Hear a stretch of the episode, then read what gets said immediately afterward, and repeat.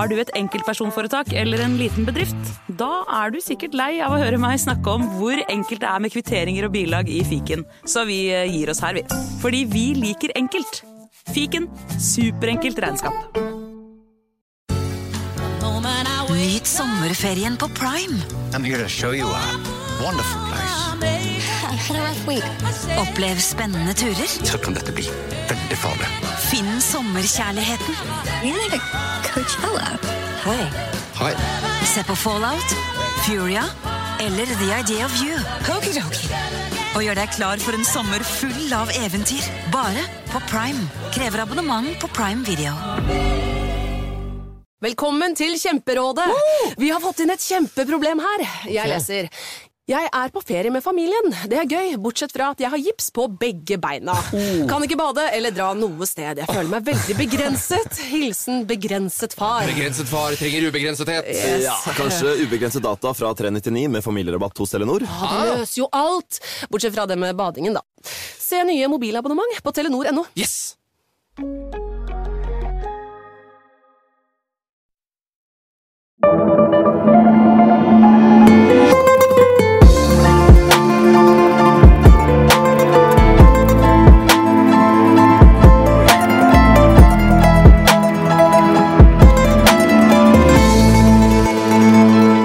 Hjertelig velkommen til en ny episode av Gangsterpodden. Mitt navn er selvfølgelig Henrik Fladseth. Og mitt navn er Jim Fosheim. I de to eh, forrige episodene, uh, dobbeltepisoden, så eh, tok vi for oss Harlems heroinkonge Frank, eh, Frank Lucas. Og i dag så skal vi også snakke om en mann som smuglet dop for å komme seg opp og frem i verden. Jim. Ja, men denne gangen skal vi mye lenger sør enn New York, for i dag skal vi nemlig til Mexico og de meksikanske narkokartellene. Eh, men før dette her, eh, Henrik, hvordan har du hatt det siste uka? Du, veldig fint. Veldig Ja. fint. Jeg begynner å sakte, men sikkert eh, komme meg inn i, gangsterligaen eh, som Ja. du er i. Ja. Eh, det vokser på meg for Ja. hver episode som går, det kan jeg si. Deilig. Ja, Lære med sånne småting. Ja. kommer, vi kommer til de episodene med sånne små kuriositeter hele veien. Som jeg syns er interessant. altså. Også til dere lyttere, så husk nå på Spotify med, Det er 50% sjanse i forhold til statistikken at dere hører på Gangsterpodden på Spotify. Ehm, og med det så er det utrolig lett å skrive Gangsterpodden og finne spillelisten også til denne podkasten. For vi er så nerde på gangstering at vi legger til en ny låt som vi mener har noe med gang- gangsterverdenen å gjøre, hver eneste uke. Til hver episode. Og så er- lurer man seg unna toneavgift. Og det, Ja, det, ja, det er noe med det. Jeg lurer og lurer, Vi har ikke penga til det ennå. Se, jeg har ikke penger til det. Nei. Sett på gangsterlista i bakgrunnen, eller litt for, Ja. så, så man har det. Hvis man vil, selvfølgelig. Hvis man spiller fra Spotify, så er det vanskelig å spille av to samtidig. Uansett, i dag så skal det dreie seg om brutalitet og skyhøye pengesummer. Ja. Eh, Denne episodens hovedperson er en velkjent eh, kartelleder, en vaskeekte druglord. Mm. Han er faktisk i live fortsatt, og hvor han er i dag, det skal dere få høre om senere i episoden. Eh, Ikke bare er han kjent for narkosmugling, som stakk seg, strakk seg over hele kloden, han er også viden kjent for noen spektakulære og vellykkede rømningsforsøk fra noen av Mexicos største høysikkerhetsfengsler. Kanskje en av de beste til å rømme i gangsterverden gjennom tidene. Han er helt oppe på den lista der, ja. Ja. Jeg er spesielt glad i hvordan han klarte da å rømme fra disse fengslene. Da. For eh, Imponerende er jo bare for- forordet her. Eh, dagens hovedperson er Jeg tipper, hvis du ikke har lest teksten på episoden, eller tittelen på episoden, så må vi jo da si at eh, na, na, fulle navnet til personen er Joaquin Guzman, men bedre kjent som El Chapo. Ja, uh, og som så mange andre her i Gangsterpodden, så har han dette gangsterkallenavnet, da. El Chapo. Ja, man må ha det. Ja, man må ha det. Og, og, og det, det, det som er litt moro, og som jeg ikke visste, det er jo at El Chapo er visstnok en slang, meksikansk slang for en kortvokst person. Oh, ja. Så det blir liksom litt som å kalle noen for småen, da. Eller lillemann, eller uh, den duren der. Det er ikke så skummelt. skummelt. ikke noe Mye skumlere på jeg- meksikansk. Ja, selvfølgelig mye. Det høres så skummelt ut, det er det som er litt gøy. Men det betyr altså småen, lillemann. Eh, det er ikke noe jeg kan relatere meg til. Jeg vet ikke med deg, Jim. Nei, jeg føler ikke det. Eh, men det eneste jeg tenkte, første gang jeg hørte El Chapo, så tenkte jeg et med å choppe ting. At han choppa Ja, opp ting. Men det er- jo mer engelsk igjen, da. Så- helt enig. Helt, enig, mm. helt enig, helt enig. Uh, og uh, akkurat som Frank Lucas, som vi tok for oss i forrige episode, så ble El Chapo Haquin han ble født inn i ganske fattige kår ute på landsbygda i den meksikanske delstaten Sinaloa. Han ble enten født i desember 1954 eller i april 1957, alt ettersom hvem du spør. ja. Men de fleste tror det var i 1957. Vil tro at han hadde ett eller to falske pass, den fyren der, og det er litt sånn vanskeligheter for myndighetene å holde styr på de verste gutta. Ja. Og i dette passet så står det angivelig at han er eh, noe sånn som 1,64 eh, høy. Og da begynner man å forstå El Chapo-kallenavnet. Eh, El Chapo var eldste barnet i eh, familien, og måtte derfor ut av eh, barndomshjemmet først, og da også brødfø seg selv og de andre. Han bega seg så ut i det kriminelle livet i en så ung alder som 15 år. Vi må venne oss til at eh, før i tida så starta de tidlig, altså. Ja, De starta Vi må, vi må slutte å la oss overraske over det. De, de var 12, de var 15. Ja, jeg har ikke sagt at jeg ble overrasket, Nei. men jeg sa det for å liksom pimpe opp um, det at han var veldig ung. da. ja, veldig. Um, det hele startet med han og et par fettere som startet sin egen lille marihuana-plantasje. Mhm. Og det er jo ganske ungt, da, det må man jo si. Helt klart. Ja. Um, og det var der han da fikk dette kallenavnet El Chapo, som han da har beholdt resten av sitt liv. Mm, Denne weed-operasjonen det ga litt penger i kassa, men det var ikke særlig mye. Og El Chapo han drømte om noe større. Han forlot landsbygda og området han vokste opp i, og satt nesegrevet i retning storbyen eh, Guad... Altså, Guadalajara. Guadalar... Den, her- den kommer jeg til å slippe ned, Jim. Ja. Guadalajara. Nei, Guadalajara. Guadalajara. Ja. Guadalajara. Eh, han flyttet til Guadalajara for å jobbe seg oppover til et bedre og ikke minst rikere liv. El Chapos ambisjoner førte han til en av storbyens kartelledere, en kingpin som de kalles på engelsk, Hector El Guero Palma. På slutten av 1970-tallet ga Palma El Chapo hans første virkelig store mulighet da han lot El Chapo få ansvaret for en skipslast full med dop som kom fra Sierra Madre-fjellene og til storbyen. Guzman tok da den jobben med fullt alvor og iver, og mente at det var gode muligheter for å øke mengden narkotika som fløt inn og ut av byen. Og han vakte oppsikt med sin brutale effektivitet, for snart ble det kjent at dersom leveransen kom for sent, så var det ingen nåde å få. El Chapo straffet nemlig sene leveranser ved å personlig henrette de ansvarlige. Det hjalp ikke med bønner og unnskyldninger. El Chapo godtok ikke forsinkelser. Det var knallhardt. Ja, og når eh, trusselen om henrettelse hang over folk, så fikk det jo selvfølgelig fart på seg. Og effektiviteten eh, var noe som ga han et voldsomt godt eh, rykte, da. Og som førte til The Godfather of Guadalajara-kartellet, Felix Gallardo, byens største kingpin. Guzman han holdt en lav profil under tiden hos Gallardo, men da Gallardo ble arrestert i 1989 og områdene hans ble delt mellom eh, relaterte mindre karteller i byen, så så El Chapo sitt snitt til å starte karrieren for fullt. Han grep noen av de territoriene til hans gamle sjef og grunnla et kartell han kalte Sinaloa, etter den delstaten han var fra. Ja, og til dere lyttere der nå som kjenner igjen, og jeg tror mange av lytterne her kjenner igjen både stedsnavn, navn på personene, og det er jo fordi Netflix har flere veldig, veldig, veldig bra eh, TV-serier, både Narkos, men også TV-serien som heter El Chapo. Og der går jo selvfølgelig mange av disse personene igjen, og stedsnavnene. Ja. El Chapo hadde samarbeidet med sin første arbeidsgiver Palma om å kartlegge de beste smuglerrutene gjennom Sinaloa, og videre opp over da grensen til det store da markedet i USA. Og nå som han hadde kontroll over sitt eget kartell, brukte El Chapo kunnskapen sin for alt det var verdt. Ja, ja, ja, helt klart. Eh, Han hadde ikke tenkt å kaste bort eh, den muligheten der. Eh, Ved å bruke erfaringen sin så satte han opp smuglerruter, og her er det fint å ta frem et kart over Mexico. Man kan jo google det frem. Ja, man kan det hvis man vil. Jeg skal prøve å forklare det litt overfladisk her. Altså, han satte opp ruter fra byen Guadalajara, Guadalajara. eh, videre opp gjennom kystdelstaten Sinaloa, og deretter opp til den amerikanske grensen og inn i USA. Både rutene og Sinaloa-kartellets makt og innflytelse gikk altså på nordvestsiden av Mexico. Ja. Samtidig som eh, Guzman bygde opp sitt nye kartell, ble mer etablerte colombianske karteller langt svakere. Og det er viktig å huske på i, i, når vi prater om Colom Colombia og Mexico i gangsterpodden. El Chapo så da et uh, tomrom som fulgte etter disse kartellenes nedgang, og i likhet med flere meksikanske karteller så han da sitt snitt til å fylle dette tomrommet med da sin egen makt, selvfølgelig. Ambisjonen hans bar frukter, for i vakuumet etter de colombianske kartellene så sveipet nemlig Guzman inn og grep kontrollen over hele kokainhandelen som gikk fra Sør-Amerika og helt til USA. I tillegg til kokainen smuglet han også heroin, marihuana, metamfetamin til USA og derfra videre ut i hele verden. De fire store. De fire store. Ikke bare var han ambisiøs, han var kreativ også, for det måtte man være. Det må man være for å smugle narkotika over den amerikanske grensen. El Chapo var en pioner og han organiserte graving av egne underjordiske tunneler. Han var veldig god på graving. Ja, ja, og de gikk under grensen.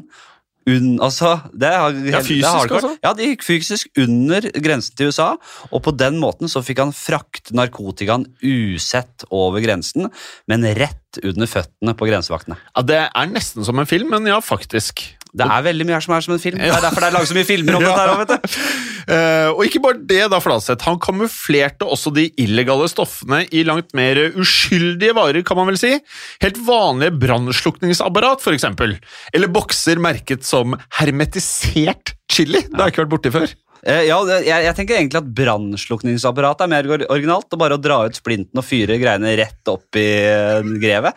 Og da 80-tallet ble til det tidlige 90-tallet, så vokste Guzmans makt. Og det som er med makt, det er at det er vanskelig å forsvinne under radaren når du har mye av det. Oh, ja. Eh, Det gikk ikke lang tid før etterretningstjeneste fikk ferten av Guzman, og tidlig på 90-tallet så erklærte de han for en av Mexicos mektigste og farligste narkotikasmuglere.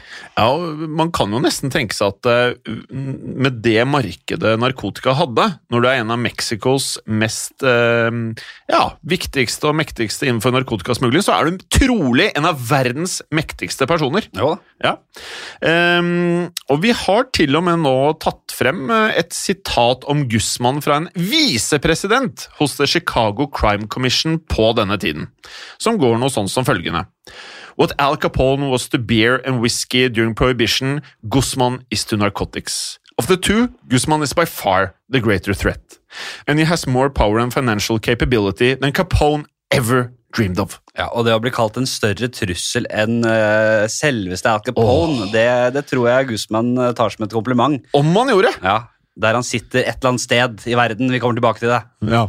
Vi må nevne at vi selvsagt skal ha egne episoder om Al Capone, selvfølgelig. Dette her er jo Ja. nesten litt obligatorisk i Gangsterpodden. Hver gang vi nevner en eller annen gangster, så må vi jo si det. Ja, Dere begynner å skjønne tegninga nå. Vi skal Ja. innom de største Ja, gangsterne. gangsterne. Men uh, Guzman først. Eh, på 90-tallet så begynte amerikanske myndigheter å blokkere vanlige smuglerruter for narkotika inn i USA gjennom havveien, altså via Stillehavet eller Atlanterhavet. Og det betydde at alt narkotika som skulle smugles inn til USA, måtte gjennom Mexico, og store deler av dette skulle dermed gjennom El Chapos Sinaloa-kartell. Hans dopimperie strakte seg snart nå rundt hele kloden, og Sinaloa-kartellet ble verdens største drug operation. Åh, ja, Da skjønner man liksom størrelsen på El Chapo her, altså. Men etterretningstjenester holdt som nevnt nøye oppsyn om El Chapo, og i 1993 utlovte meksikanske myndigheter en dusør på rundt 44,5 millioner kroner for hodet til El Chapo, etter at han ble mistenkt for å ha vært innblandet i et drap på en katolsk kardinal. Plutselig var El Chapos ansikt i alle aviser og på alle TV-skjermer. Ja, og Joaquin El Chapo Guzman han stakk selvfølgelig ut av landet, eh, men bare noen få uker etter dusøren ble utlovet, utlovet, så ble han arrestert i Guatemala, og ikke lenge etter så ble han dømt til 20 års fengsel for bestikkelser, narkosmugling og planlegging av drap. Ja, men El Guzman var ikke typen til å sitte mye i fengsel, eh, Fladseth. Eh, El Chapo brukte ikke fengselstilværelsen sin til å tvinne tommeltotter, må vi da kunne si, da. For ved hjelp Absolutt ikke. Nei, han gjorde ikke Nei. Han gjorde andre ting. Det stikk motsatte. Ja, han gjorde det stikk motsatte. Jeg vet ikke hva det stikk motsatte er. Dette. Ja, Vær så det- god. Ja, Ok. Ved hjelp av korrupte vakter fikk El Chapo smuglet ut ordre til kartellet sitt og fortsatte å drive operasjonen sin fra fengselet. Samtidig som han da fikk smuglet ordre ut, fikk han også smuglet inn både elskerinner eh, og prostituerte. Og da det som blir nevnt som en viktig ting da, som han fikk smuglet mye av, det var en blå pille som kalles Viagra. Ja, Ja, det likte El Chapo. Han måtte vel ha, ha det, så det ble mye kjør, rett og slett. Dette var vel mer som en ferie enn et fengselsopphold, ville han vel sagt selv. Eh, han bestakk nok en del eh, vakter for å se en annen vei når han hadde disse elskerinnene på besøk. Eh, en forfatter om en bok om El Chapo beskrev han som en mann med kun to interesser. Narko og damer, rett og slett. Ja, det er, eh, det er det inntrykket vi sitter igjen med også her. Forfatteren Douglas Century skrev He had more mistresses than you can probably fathom. This was his existence, having sex with strange women and micromanaging every detail of his operation. Ja, Men til tross for damenavn damene han fikk smuglet inn, så ble Guzman lei av Ja. å bo bak murene. Ja, det holdt Eh, ikke. Nei, Etter åtte år i fengsel så fikk han nok. Han ville ut. Som så mange gangstere i historien som havnet bak murene, så bestemte han seg selvfølgelig for å rømme. I januar 2001 kunne avisen erklære med store overskrifter at den beryktede El Chapo hadde klart å rømme fra det meksikanske høysikkerhetsfengselet Puente Grande. Og ryktene fløy om hvordan El Chapo hadde klart nettopp dette, og det finnes da to forskjellige versjoner av El Chapos sin flukt. Ja, Den første og mest kjente er at uh, Guzman han gjemte seg i en skittentøysvogn og ble tatt med den ut av fengselet. Uh, gjemt under skitne laken og fangedrakter. Dette kjenner vi jo til. Ja, det, det høres i hvert fall ut som en film. Ja, det, er, det er jo det mest klassiske som fins. Dette er mest sannsynlig ikke det som skjedde Fladseth. Mm. For flere journalister og også forfattere mener at flukten via skittentøyskurv bare var en myte. For i virkeligheten bestakk Gossmann og kontrollerte så mange av fengselets korrupte vakter at han bare kunne vandre rett ut av fengselets inngangsport, faktisk, iført en politiuniform. Og da skjønner man litt hvor eh, mektig Guzman var. Jeg får veldig Escobar-assosiasjoner her. Det er veldig likt. Ja, og da myndighetene fikk nyss om, eh, om eh, denne rømningen, så ble det selvsagt bråk, og hele 71 av fengselets ansatte ble arrestert for korrupsjon. Og det er jo en del. Det er en stor del, veldig mange faktisk. El Chapo holdt hodet lavt og gjemte seg vekk fra politiets søkelys, og klarte fortsatt å styre Sinaloa-kartellet mens han var på rømmen. Han tok faktisk sin mikro, eh, micromanaging til et helt nytt nivå, og tok enda større kontroll over detaljene i operasjonen sin. Og hans enorme makt over korrupte politifolk gjorde at han kunne bevege seg relativt fritt, og kunne bruke tiden sin på å forbedre kartellets virksomheter. Og dette her er jo ikke helt ulikt fra våre to forrige episoder med Frank Lucas. Micromanaging. Det virker som der suksessen ligger, altså. Ja, det tror jeg. Gosmans stålkontroll, det lønte seg. For i 2009 ble det anslått at Sinaloa-kartellet dro inn hele 3 milliarder dollar årlig. Oi, oi, oi. Og det, hvor mye blir det i norske Det blir, nå skal jeg fortelle deg, Flatseth, det er et så stort tall at det er vanskelig å, å skjønne det. Det er nemlig 32 milliarder kroner i eh, dagens kurs. Og samme år ble det anslått at Guzman var god for 1 milliard dollar, dvs. Si over 10 milliarder 2020-kroner. Ja, nei, det er voldsomt. Med andre ord så klarte El Chapo å drive kartellet sitt til nye, intenst lukrative høyder, selv etter flukten fra fengselet, og i 2006 begynte meksikanske myndigheter en hard offensiv mot landets narkotikasmugling og karteller, uten at de klarte å få tak i Guzmans og, og, og, og kartellet. Eh, og i denne perioden så giftet han seg til og med, og tro det eller ei, Blant gjestene på bryllupsfesten var det både lokale politikere og flere politioffiserer. De lærte ikke de der folka der, altså. Eh, og ja, Det sier litt om hvor korrupt, gjennomkorrupte de var. altså. Ja, men dette er det vi kommer til å merke både i episodene fra Mexico og Colombia, at det er ekstremt altså hårfine linjer mellom å være kriminell og og også da være lovens lange arm. Ja, noe voldsomt. Ja, voldsomt. Men selv ikke en mann med så mange politikere og politifolk i lomma kunne unnslippe for alltid. For i 2014 ble han endelig arrestert etter 13 år på rømmen.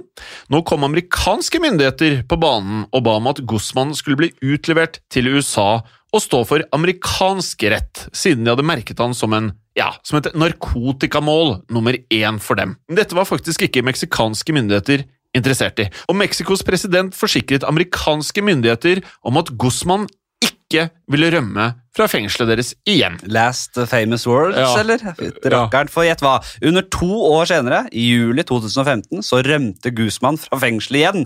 Ikke ved hjelp av eh, politiuniform eh, eller skittentøyskurve denne gangen, men det han hadde brukt til stor uh, suksess for å smugle narkotika over grensen, en tunnel. Ja, det var jo en tunnel.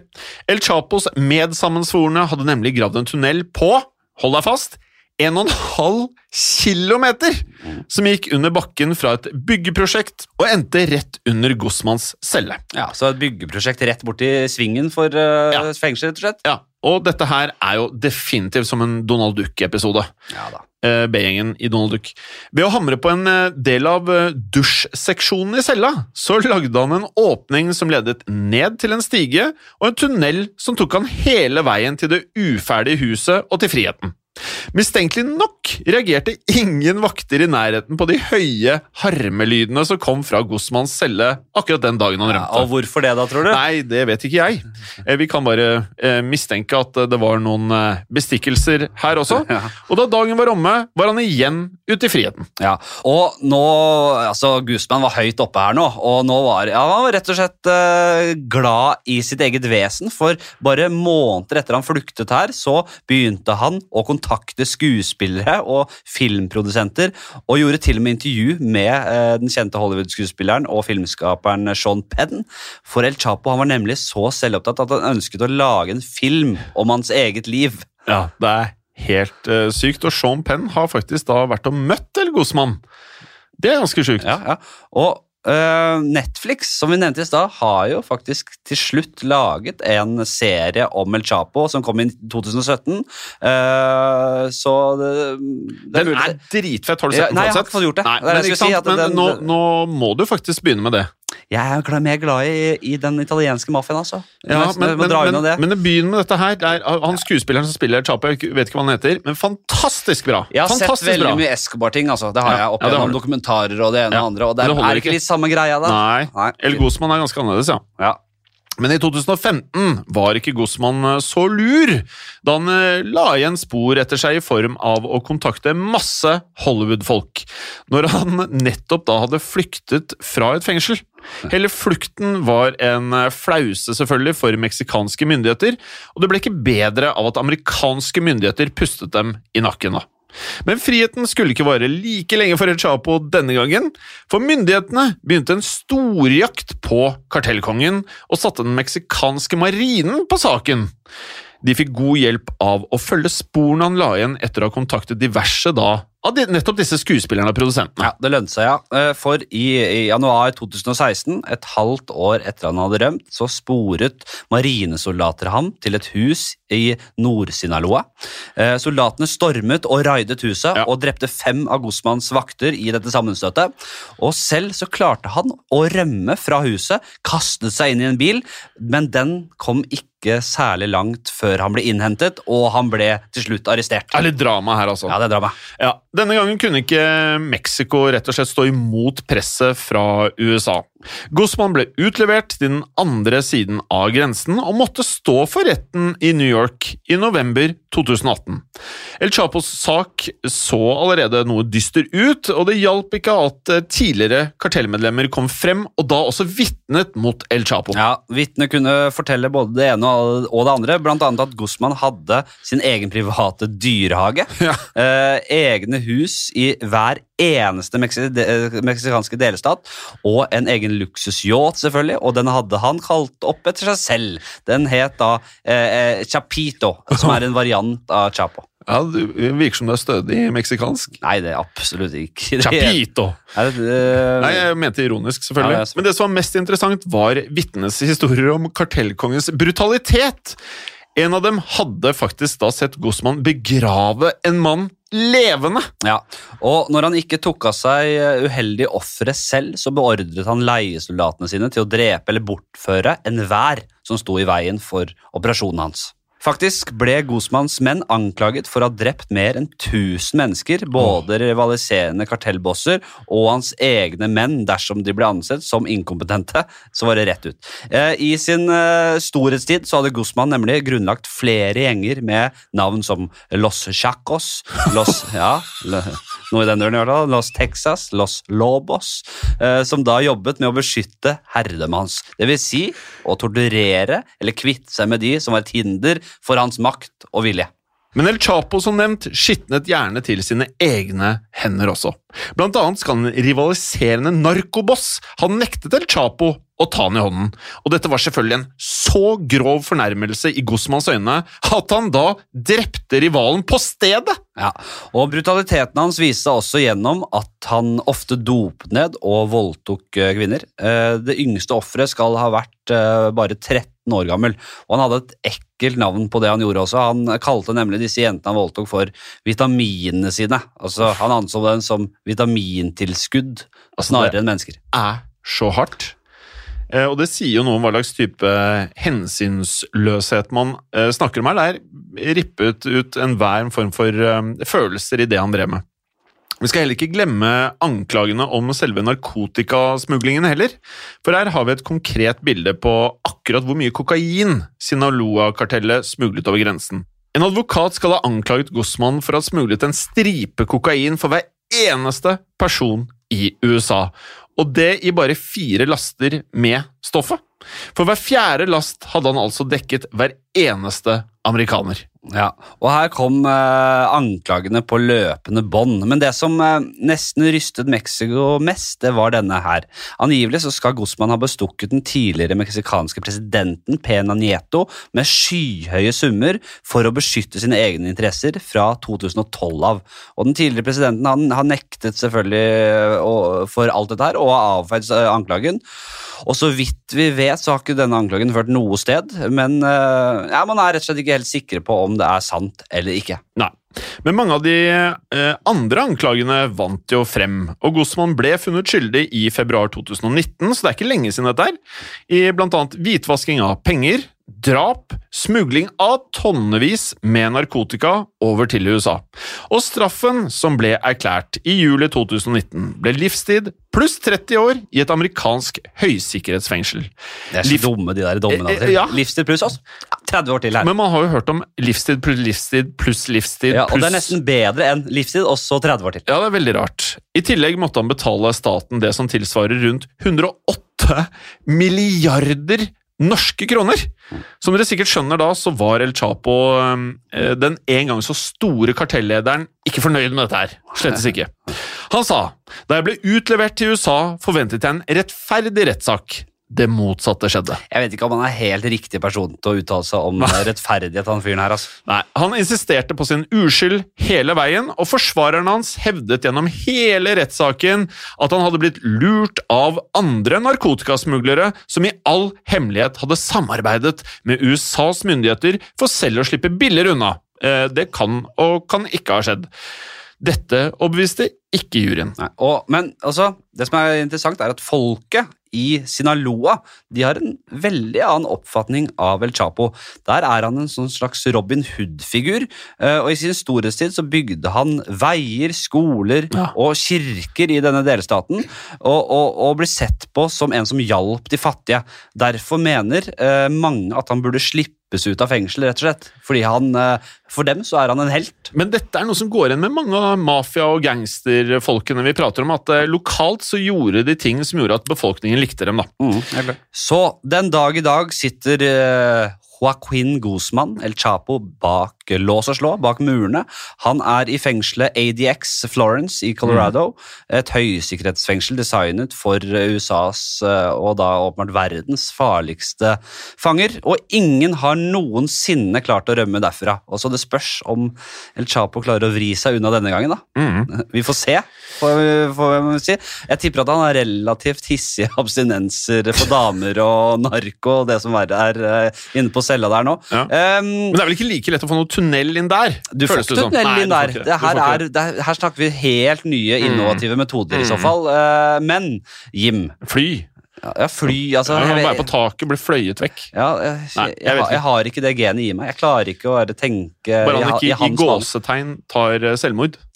Vi får se. Vi Mm. får se hva som skjer Ja, med vi han. Han sitter der, og han kommer til å sitte der noen år til. Han er ikke så Mm. altfor gammel. Mm, mm. Uh, Jim, Ja. har du en låt med til oss i dag? Det har jeg så definitivt. Og denne her kan overraske mange lyttere. Jeg vil ikke tro veldig mange har hørt denne før.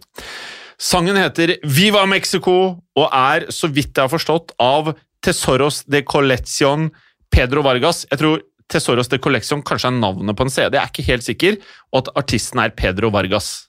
Eh, fantastisk eh, låt. Bare, det er bare å gå rett inn på eh, spillelisten vår på Spotify og høre denne her, fordi du kommer til å komme i en så fantastisk stemning Det- til dette uh, temaet vi har hatt i dag. Den ligger på Spotify, og jeg skal som vanlig ta Ja. med podcast-headsetet Ja. på med mitt Ja. Bo- Bose-headset og få den rett inn i øra. Rett i øra. Veldig bra. Uh, og med det, Fladseth, så må vi jo si at vi uh, Det her var en kul episode, altså. Ja, jeg syns det var veldig, veldig gøy. Jeg gleder meg skikkelig til neste uke, og vi har en liten lekkerbisken der, altså. Uh, utvilsomt. Ja, utvilsomt. Og så må vi huske dette med å rate på iTunes og hele den pakka der. Ja, Rate oss på iTunes. Gi oss gjerne fem stjerner. Det er vel ikke best, eller? Vi gjør selvfølgelig det, Ja. men det er jo valgfritt. selvfølgelig, Kan ikke tvinge Ja, noe. jeg sier fem. Eh, Du kan eh, tenke at annet er greit. Fire eller fem, kanskje? Ja, fire, fire eller fem. Fem er best. Eh, og med det så kan dere også følge oss på Instagram. Der heter vi Gangsterpodden.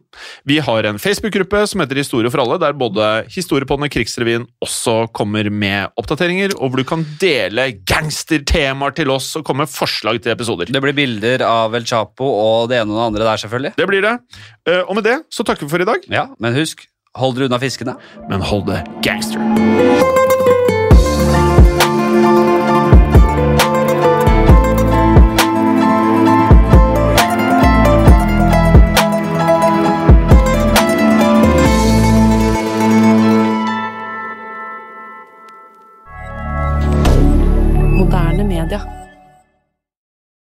Et godt råd fra Apotek 1. Sola er tilbake, like sterk som i fjor. Og det absolutt viktigste for å unngå forbrenning og solskader, er å bruke solkrem. Hvis du i tillegg bruker et serum med vitamin C under solkremen, kan dette bidra til ytterligere å forebygge ujevn pigmentering, linjer og rynker. Kom innom og få råd på ditt nærmeste Apotek 1, eller chat med oss på apotek1.no. Apotek 1. Vår kunnskap, din trygghet. Kan kundene dine betale slik de ønsker? Med betalingsløsninger fra Svea øker du sannsynligheten for at kundene fullfører et kjøp, fordi de finner sitt foretrukne betalingsvalg. Svea vår jobb, din betalingsløsning. Enklere, raskere.